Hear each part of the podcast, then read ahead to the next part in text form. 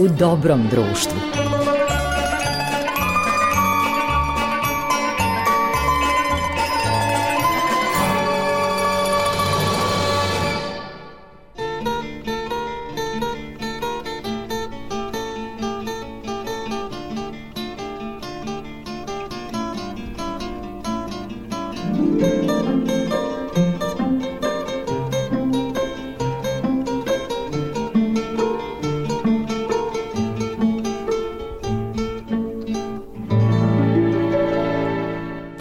Veče, poštovani slušalci, dobrodošli u novo izdanje emisije U dobrom društvu.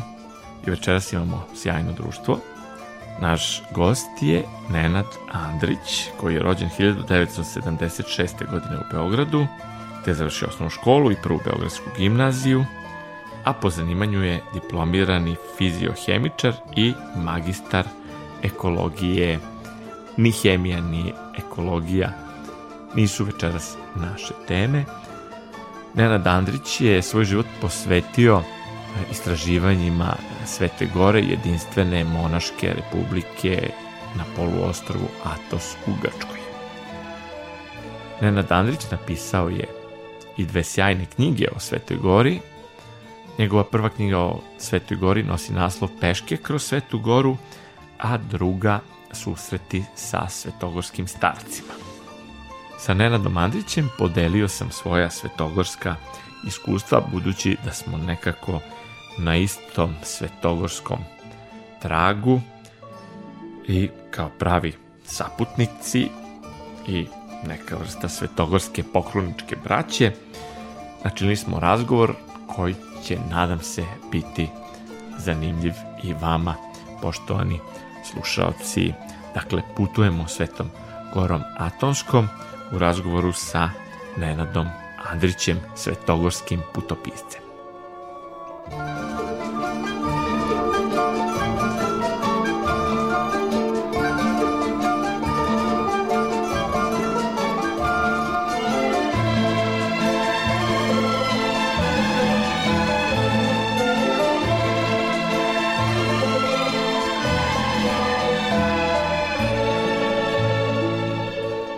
Nenade, voleo bih da ovu deceniju, tvoju prvu pokloničku na Svetoj Gori, prvo osvetlimo, pa onda da malo popričamo i obe ove veoma zanimljive knjige.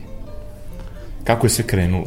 Krenulo je potpuno slučajno, tako što sam sa, sa planinarima došao prvi put na Svetu Goru na, na jednu noć i samo sam zagrebao tada po, po površini.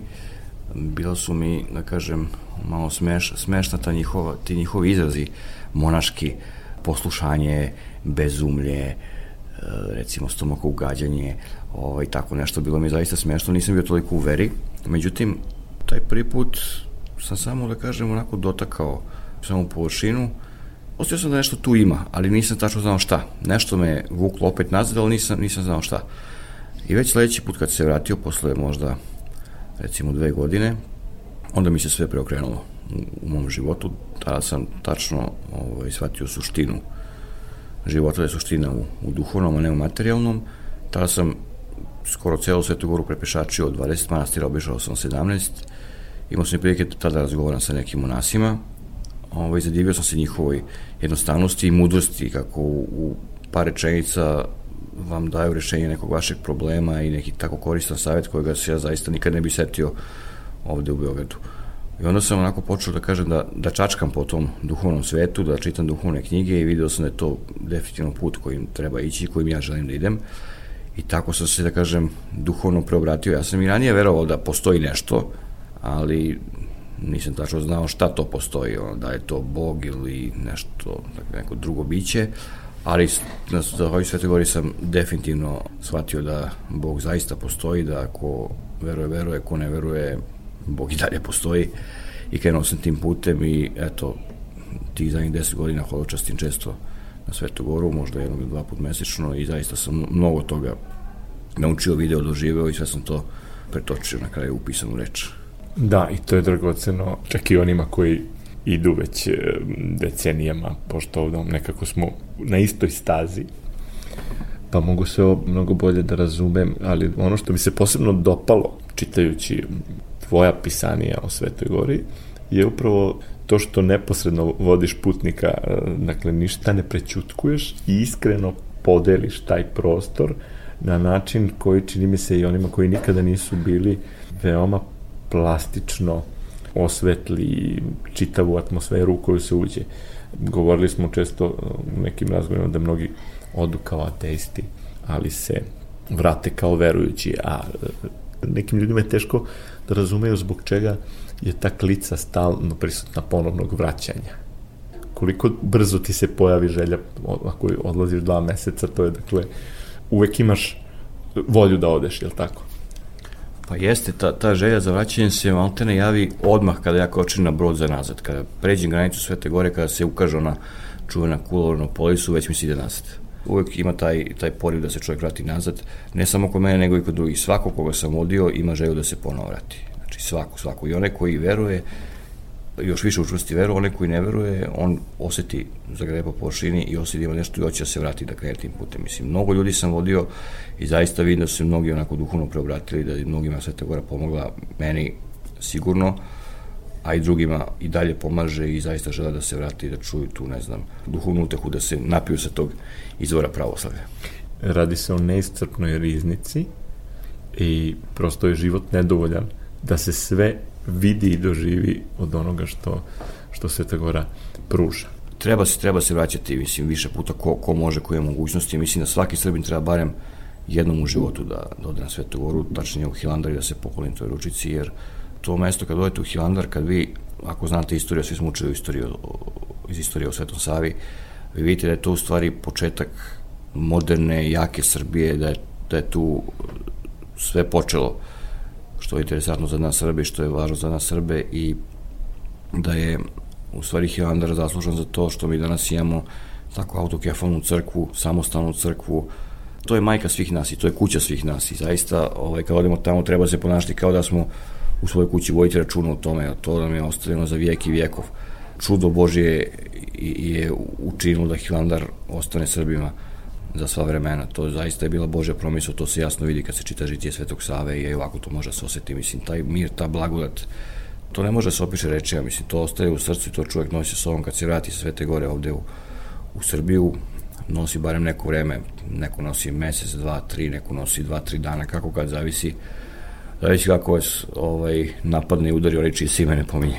Da, a kad govorimo o tom udaranju, mnogi ljudi su tome izloženi ovde, bilo kroz lični, privatni život ili na poslu. Ti si u stvari napustio profesiju za koju si se pripremao e, i školovao i preusmerio svoj život ka Atosu.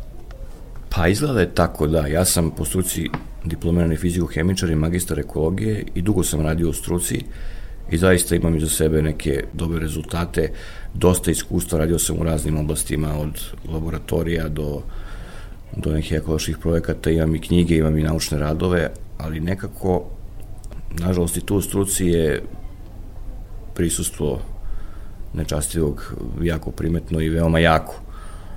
I uvek sam imao neke, da kažem, nesuglasice, konflikte, što na duhovnom planu, što ovako na materijalnom, fizičkom.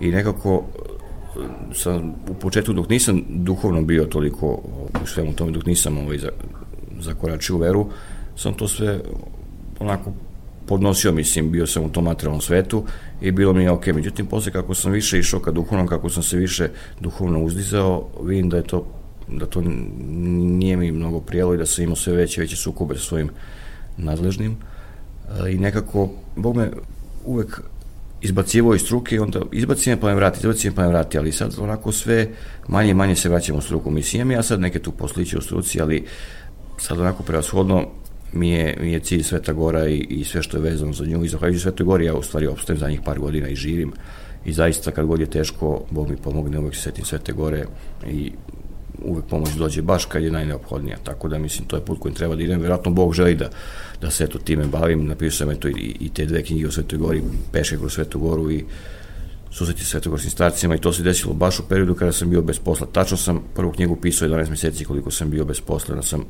posljednji dan kad sam završio posljednju učenicu dobio posao. Isto je bilo i sa ovom drugom knjigom. Sad se otvaraju neke Sve po promisli.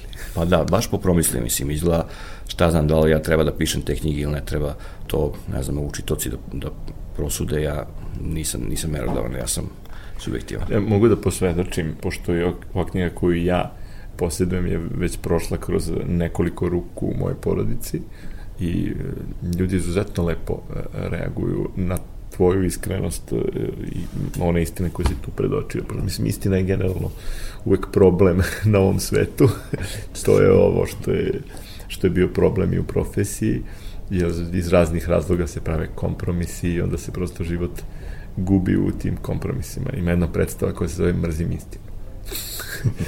to, toliko to je neki komentar ovoga u, u čemu živimo. Ali krenut ću od ove druge knjige knjige, knjige susret sa svetogorskim starcima, koja mislim da, da je posebna u odnosu na svedočenja o savremenicima ili onima koji su, da kažem, nedavno se preselili u Carstvo nebesko, stvari očekivanje opšteg vaskresenja, kako bi rekli to u svetogorskom duhu.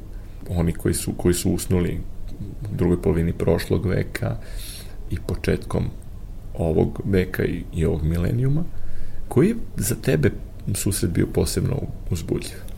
Svakako susret sa, sa pustinjacima i Svetogorske pustinje, Karulje, koji je oltar Svete Gore.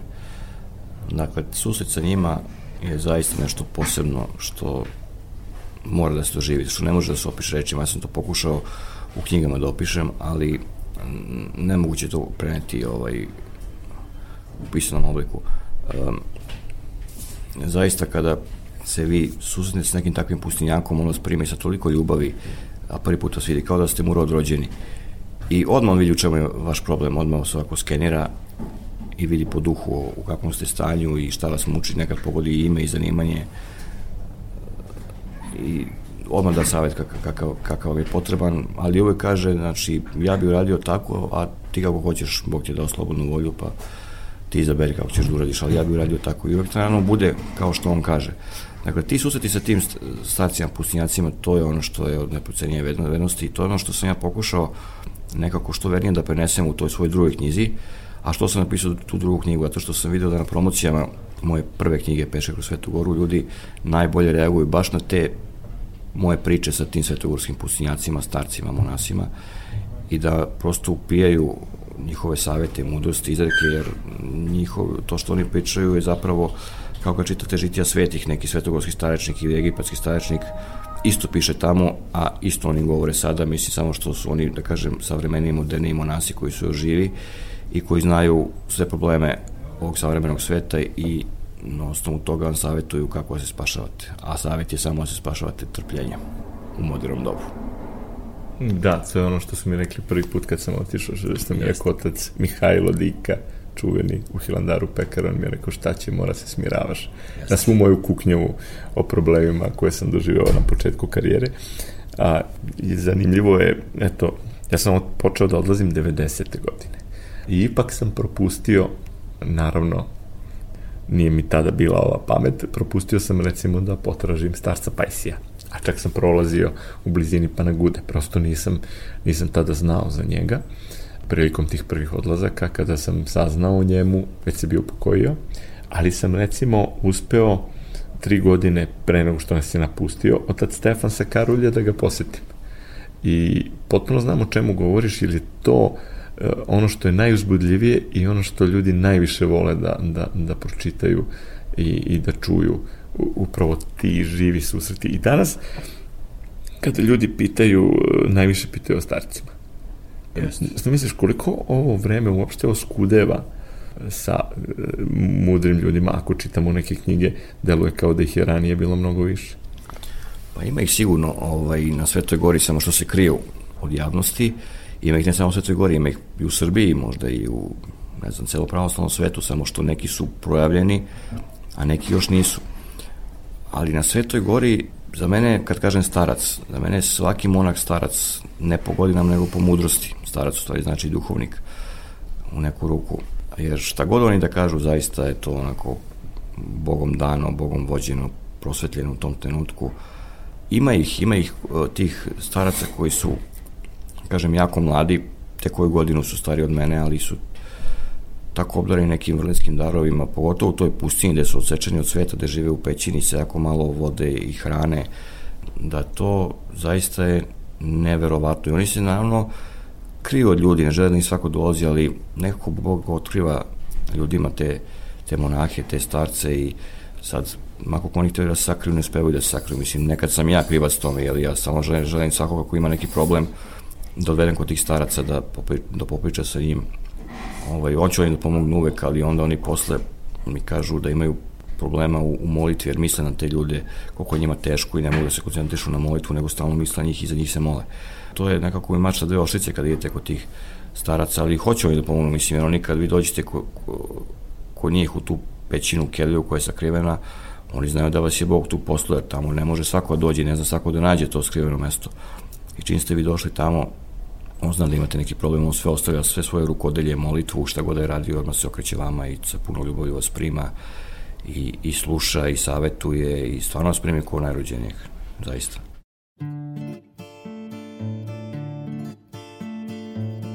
Παίρνω απόσταση από το χθες να έρθουνε κι άλλες εποχές. Να έρθουνε λύπες και χαρές καινούργιες να σου τις χαρίσω. Παίρνω απόσταση από το χθες για να μπορέσω να με θες. Να βρω τραγούδια, μουσικές καινούριες να σου τραγουδήσω. Έλα μη μου καίγεσαι Θα σου χαρίσω ό,τι θες. Έλα μη μου καίγεσαι. Όλα μου τα αύριο και τα χθες το τώρα θα τα κλείσω. Όσα η αγάπη ονειρεύεται τα αφήνει όνειρα η ζωή. Μα όποιος τα αλήθεια ερωτεύεται Κάνει το πόνο προσευχή βαρκούλα Κάνει το φιλί.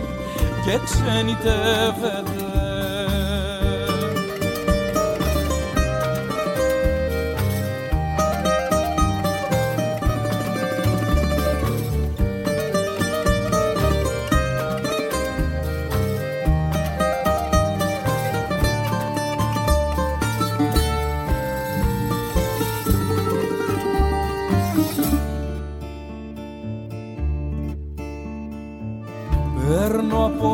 απόσταση άμα θες και από τις πρώτες μας μάτιες. Για να μπορέσω με γητιές καινούριες να στις ξαναδώσω. Βρίσκω στον έρωτα γιατριές να το γιατρέψω απ' τις πληγές. Και στολισμένο χαρακές καινούριες να τον ξανανιώσω. Έλα μη μου καίγεσαι θα σου χαρίσω ό,τι θες. Έλα μη μου καίγεσαι. Όλα μου τα αύριο και τα χθες το τώρα θα τα κλείσω. Όσα η αγάπη ονειρεύεται τα αφήνει όνειρα η ζωή. Μα όποιος τα αλήθεια ερωτεύεται Κάνει τον πόνο προσευχή βαρκούλα Κάνει το φιλί. Και ξενιτεύεται Όσα η αγάπη ονειρεύεται Τα αφήνει όνειρα η ζωή. Μα όποιος τα αλήθεια ερωτεύεται Κάνει τον πόνο προσευχή βαρκούλα Κάνει το φιλί. Και ξενιτεύεται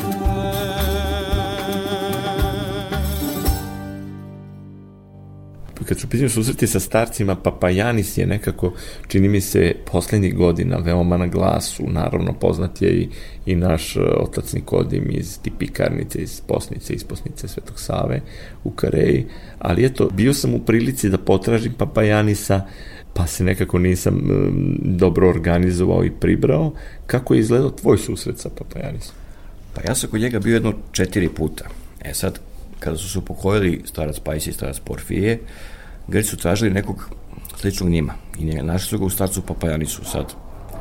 E, njima uvek treba ne, neko tako da kažem duhovni oslonac. Da, jedan. duhovni oslonac, duh- duhovni vođa, ko što nama treba vođa, jel tako, da bude na čelu države, da se njemu priklonimo od Tita pa na ovamo. Da, mi imamo taj delo poklonički Jeste, duh, tako je, tako, tako Grci imaju taj, da kažem, treba im duhovni oslonac. Istinsku potrebu za, da. Da.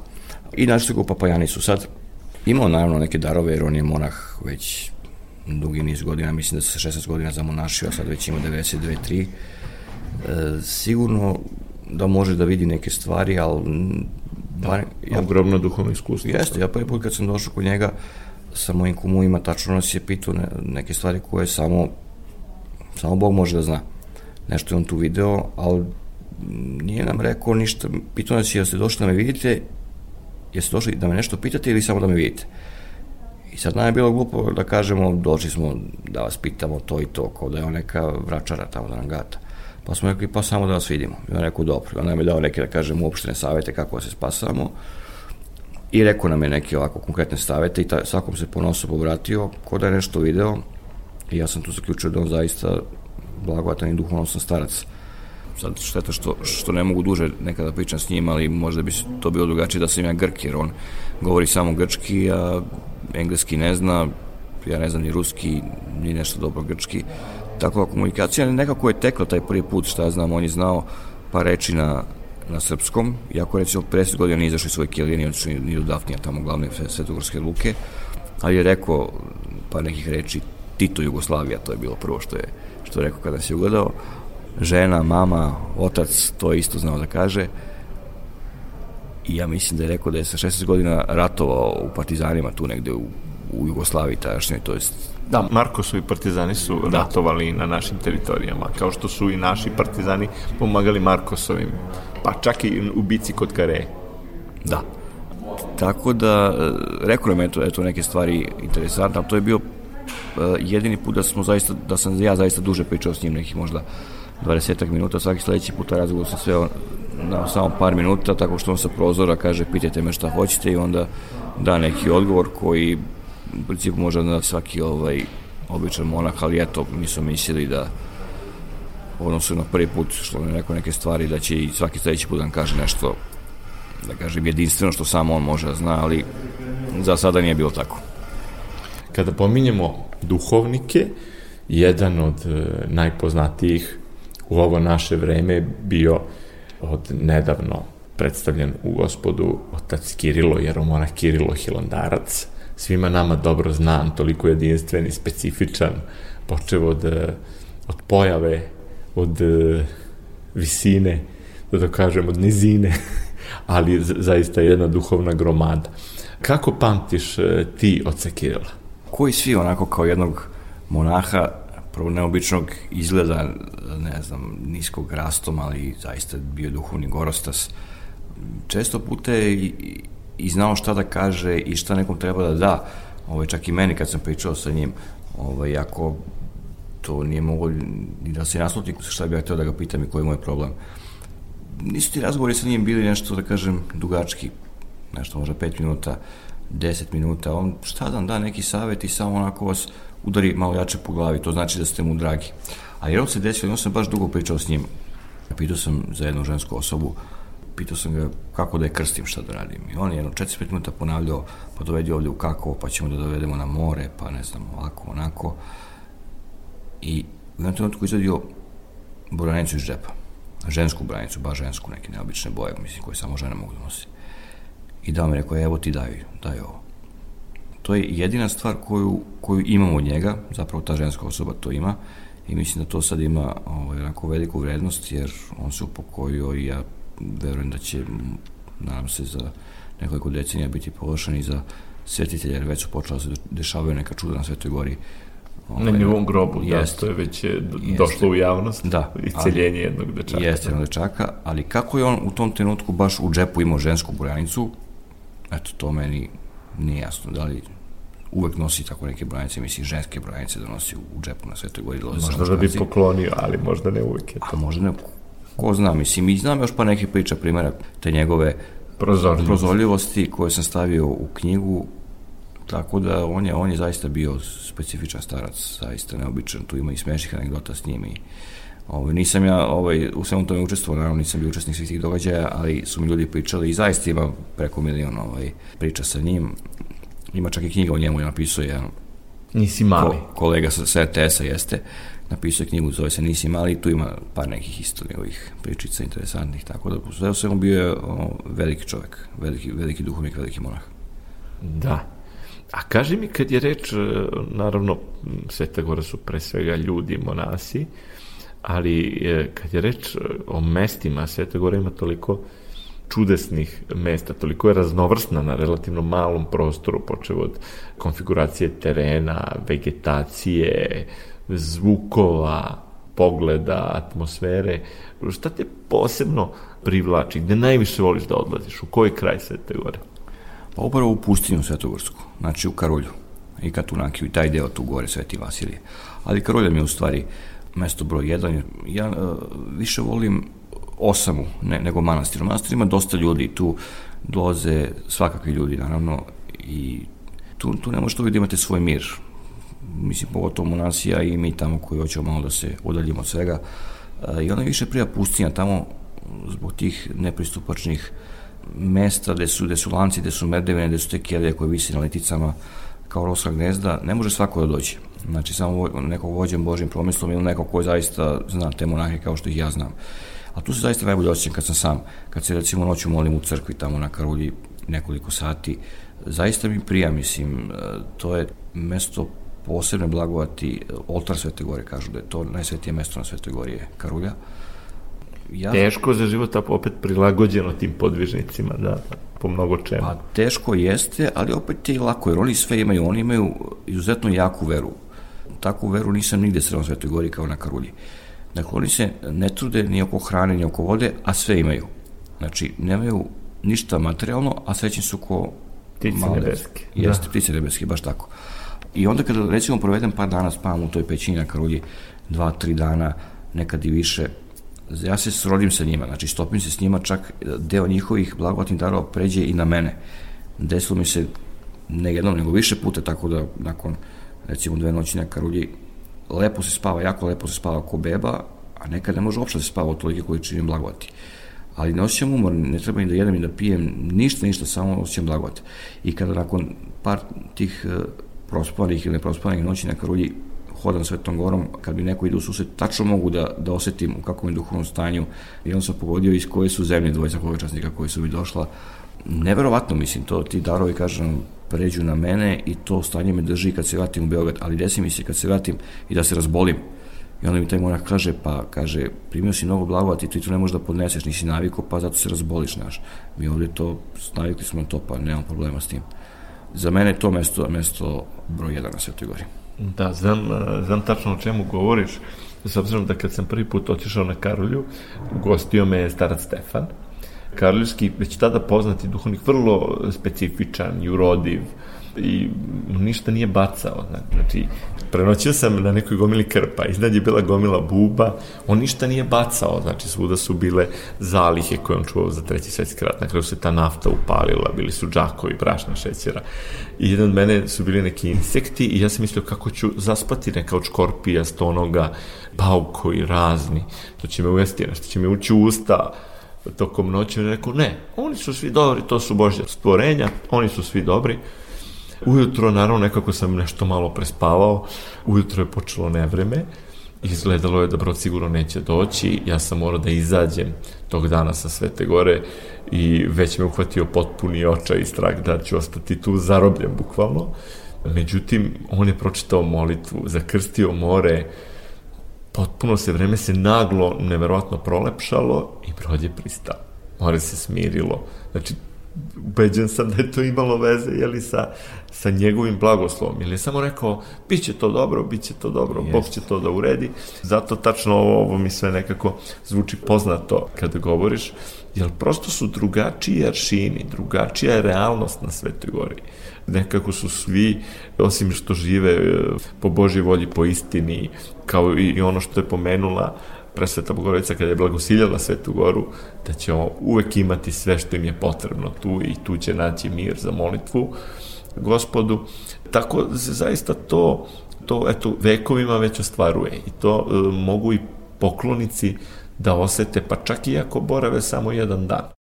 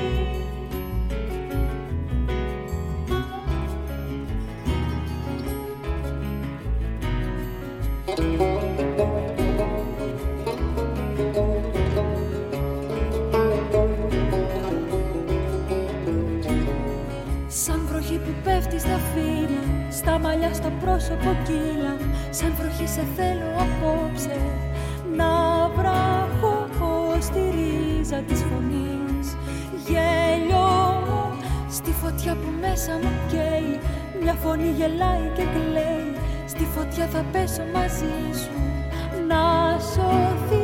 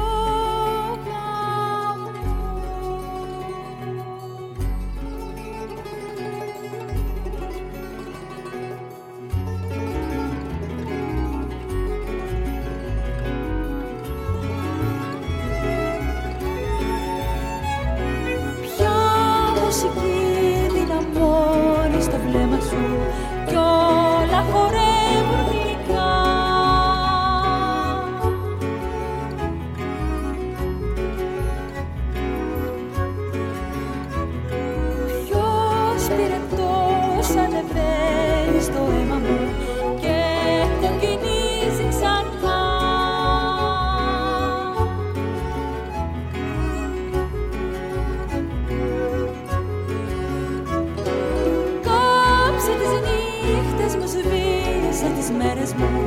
Κάνε το χρόνο στιγμή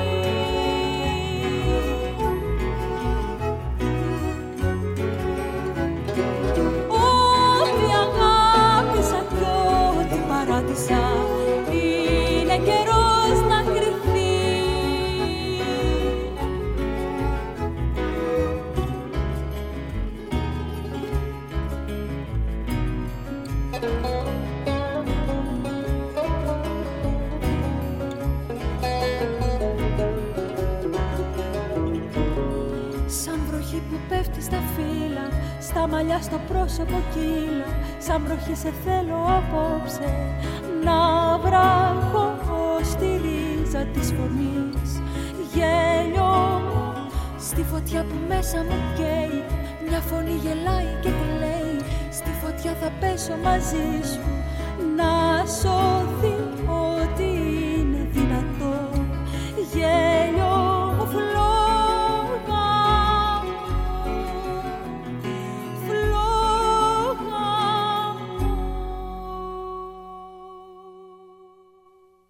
kada pominjamo prvu knjigu, kako si uopšte došao na ideju da pretočiš svoje iskustvo, da si krenuo sa idejom, e sad ću da idem na Svetu Goru, pa ću pisati, pa ću skupljati materijal za knjigu, ili se spontano to desilo? Ne, apsolutno nisam imao tu ideju da ću da pišem knjigu, niti sam s to namjerom išao na Svetu Goru, ali jednostavno sve to, što kažeš, bilo spontano. Nakon mog drugog odlaska na Svetu Goru, u stvari, drugi put kad sam išao na Svetu Goru, sam napravio neki plan sa mojim, sa mojim kumom šta sve da obiđemo i šta ćemo, kuda ćemo da idemo. Ja sam mislio O, to su na obali, to je jedna lepa, lagana šetnja pored mora, međutim kad smo došli tamo, jako smo planari, videli smo da to uopšte nije najemno i nije toliko lako, ali smo uspeli u svom planu i programu i kada sam tražio informaciju o tim manastirima, stazama, o svemu zanimljivom što želim da vidim, nisam nigde našao ništa na jednom mestu.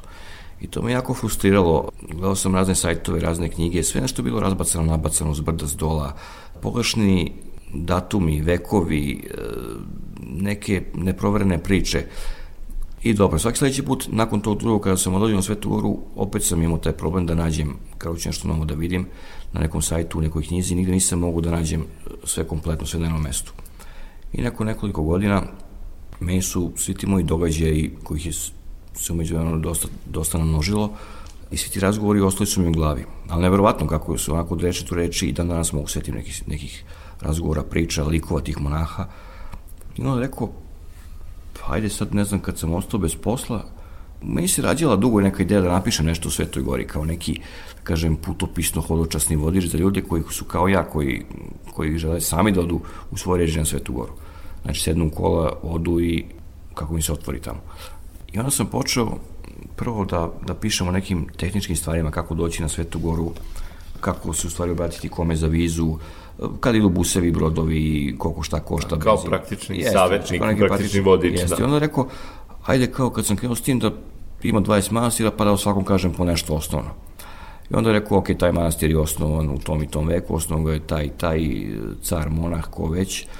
I onda rekao, pa ajde da vidimo, tu su bile neke čutvorne ikone koji danas se nalaze. Onda sam počeo tome da pišem, pa sam onda istražujući u literaturi video koji su svetitelji tu ovaj, se podvizavali, pa sam i njih ubacio. Onda sam rekao, pa daj da stavim i neka moja iskustva, razgovore baš u tim manastirima s nekim starcima i nešto se meni interesantno desilo.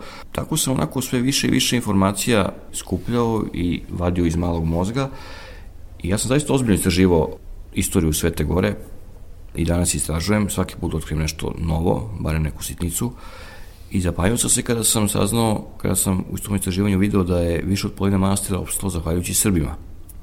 Pre svega Nemanjićima, pa potom Lazarevićima, Brankovićima, e, Jakšićima, Marnjavčevićima. E, Sveta Gora zapravo današnji izgled duguje nama Srbima. Samo je Sveti Sava obnovio tri manastira u svoje vreme, a posle njega su razni srpski vladari i velmože obnavljali druge manastire. I rekao sam, pa ovo, znači moram i ovo da zapišem, naravno, mislim, mi Srbi smo dosta dali Svetoj Gori, to malo ljudi zna, znači nije samo Hilandar bio srpski manastir, kroz veko je bilo ih je tu barem još dva, tri, a da ne pominjemo ostalih sedam, osam koji su obnovili iz temelja, srpski vladari. Tako sam sve to onako stavio u, u knjigu i onda rekao, ajde tu stavim i neke moje razgovore s tim monasima sa Karulje, s Katunakije. I nekako ta knjiga, ta knjiga uh, rasla je, imala je, da kažem, dosta mesa u njoj I na kraju sam eto napisao nekih 330 strana i sad eto već doživao sam i drugo izdanje koje je prošireno i treće izdanje će biti jedno, imam barem još 34 strana sam napisao među vremenu, samo čekam sve to da sklopim. Dakle, ta knjiga Pešak u Svete Goru je knjiga koja nikad neće ostati ista, znači svaki put će da, da bude dopunjena sa još nekim pričama, jer stalno kad idem na Svetu Goru uvek imam neke nove doživlje, iskustva, priče, legende, e, Uvek ti se otkrije nešto uvek, novo. Uvek nešto novo, nešto iz istorije, mislim što mislim da je jako interesantno za nas Srbije, da treba zaista da znamo Ovaj, Sveta Gora je, Hilandar je kolevka Srbije zapravo.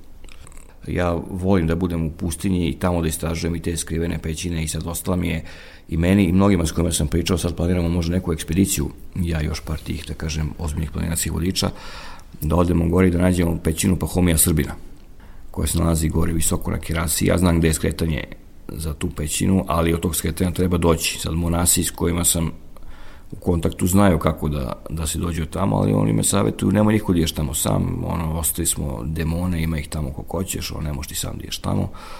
Ovaj, ja ne da se ne začude slušalci, to je tamo realnost. Da, to je zaista realnost tamo. To ovde ne, u savremenom svetu se ne projavljuju na taj način, ovde se projavljuju više ovako kroz medije, kroz internet, kroz eh, neka druga iskušenja civilizovanog života, a tamo se bukvalno pojavljuju, da ne kažemo, pipljivo. Da, u fizičkom obliku, mislim, u nasima koji su vrlici, koji su čisti se zaista fizički prikazuju, meni sigurno neće, jer sam ja dosta grešan, tako da mene samo onako ubacuju neke pomisli, ali šta ja znam, ja ne bi da se igram s tim, ako oni tako kažu, onda ih ja slušam naravno.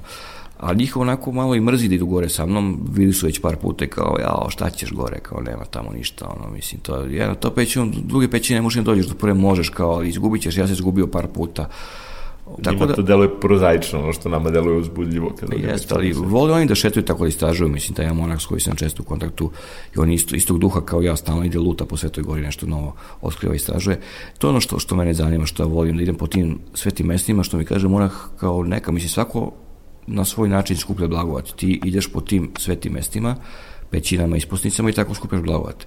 I zaista, evo, skoro sam bio do pećine Ilirona Gruzica, sad pre par meseci u septembru, toliko sam se blagovati nakupio tamo da sam doživeo neko potpuno meni nepoznato duhovno stanje nakon toga. Mislim, to je nešto lično, pa ne bi o tome sada pričam ovako javno, ali eto i, i, i nakon mojih 28 odlazaka na Svetu Goru, opet sam doživao nešto zašto sam mislio da neću doživeti. Znači, razne duhovna stanja sam ja tamo, tamo doživljavao, ali ovo je nešto zaista posebno. Ja sam javno pričao o nečemu što mislim možda je reči o tome, ali neću sada da te pitam.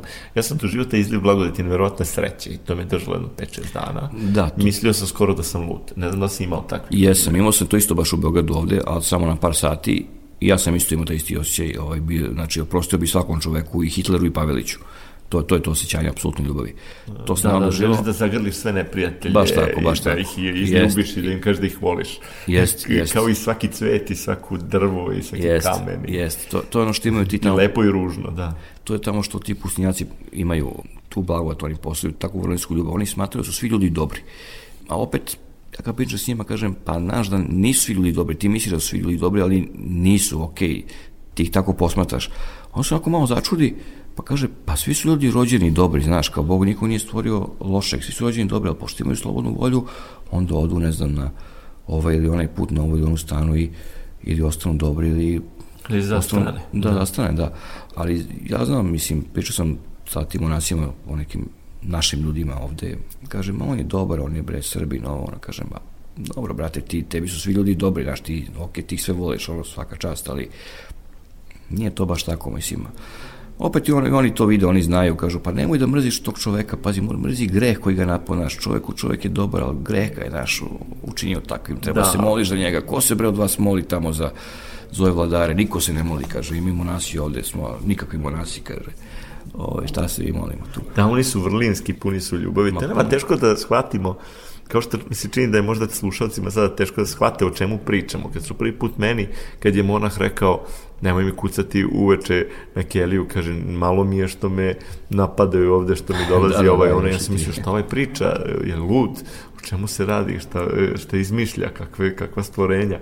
Međutim, kada se odlazi i kada se tamo boravi, kada se razgovara sa monasima, kada se uđe u taj svet, e, vidi se da to apsolutno je nešto što je istina. Dakle, nije, to nisu neke fantazije, nego se tamo realno E, da tako kažem, rvu dobro i zlo.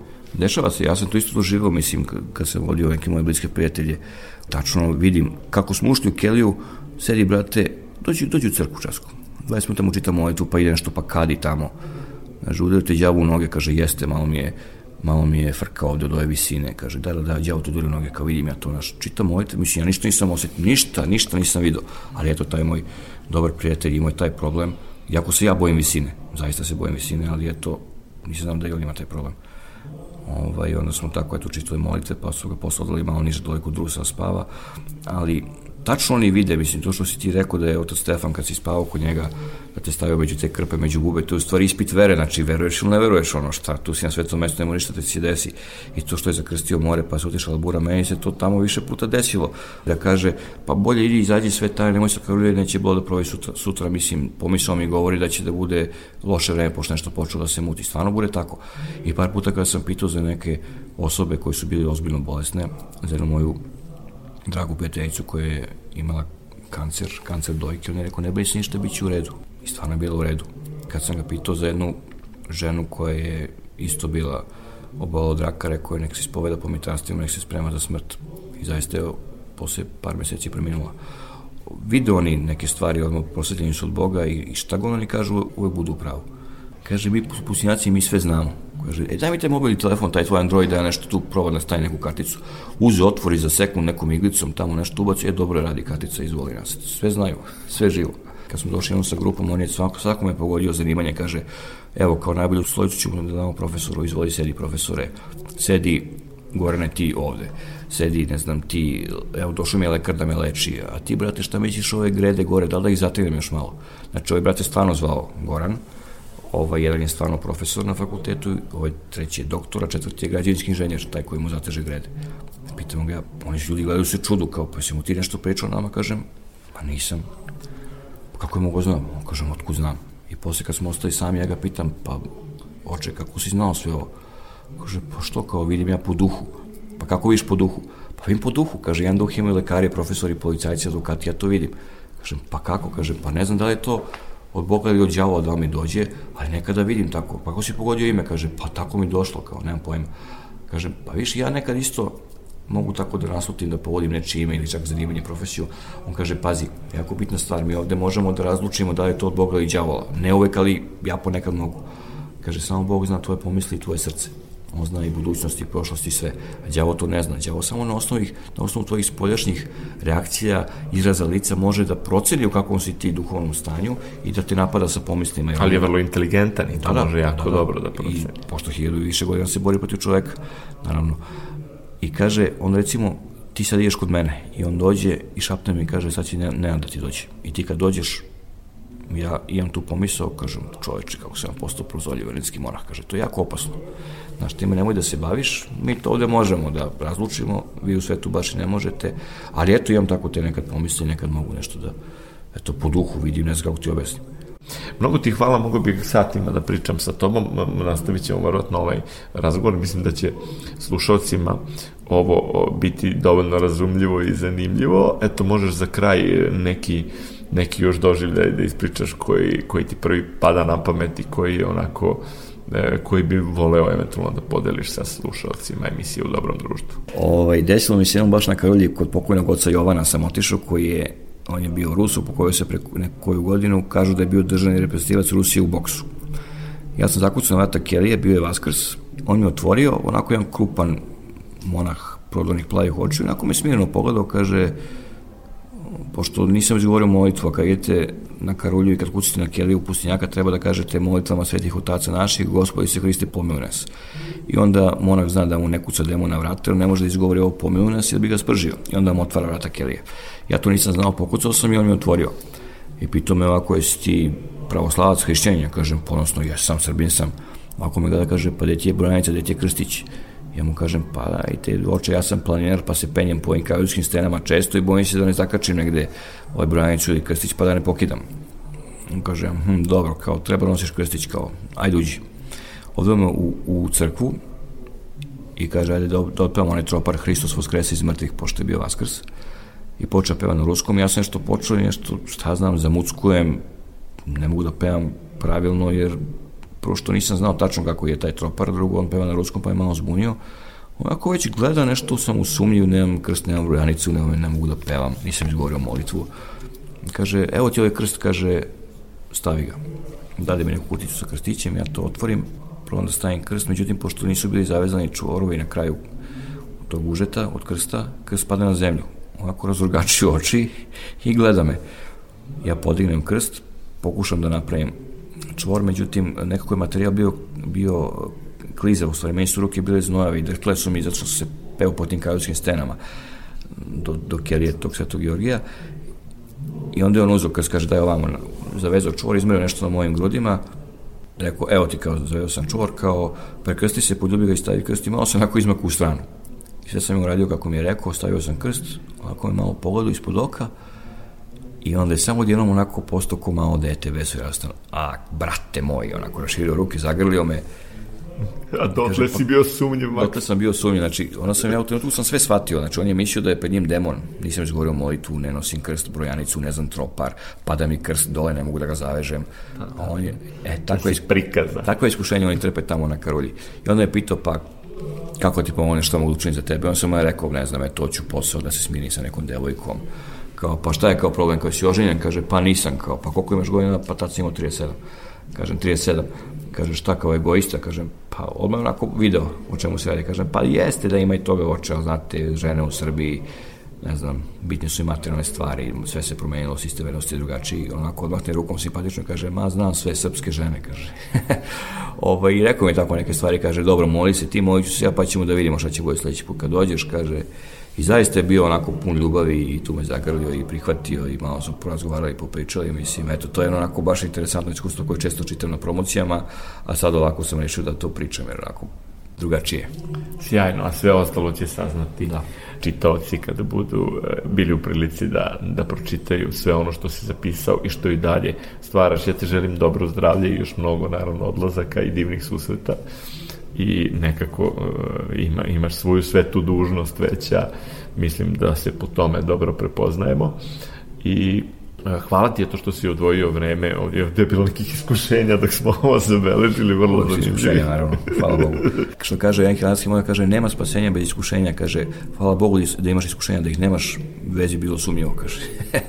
da, to je dobro za kraj, da znaju i slušalci ako imaju muke, a ako su na pravom putu, možda i to baš potvrđuje da su na pravom putu, A jest, što je teško. Uvijek je tako.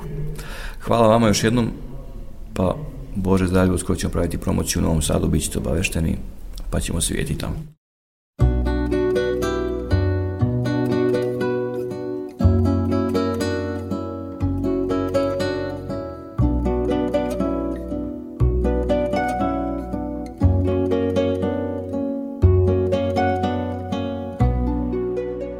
Slušali ste emisiju U dobrom društvu. Vaš i moj gost bio je svetogorski putopisac Nenad Andrić.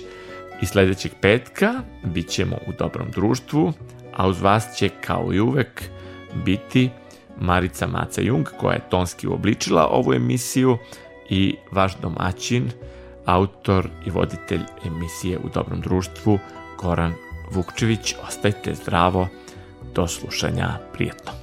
Thank you.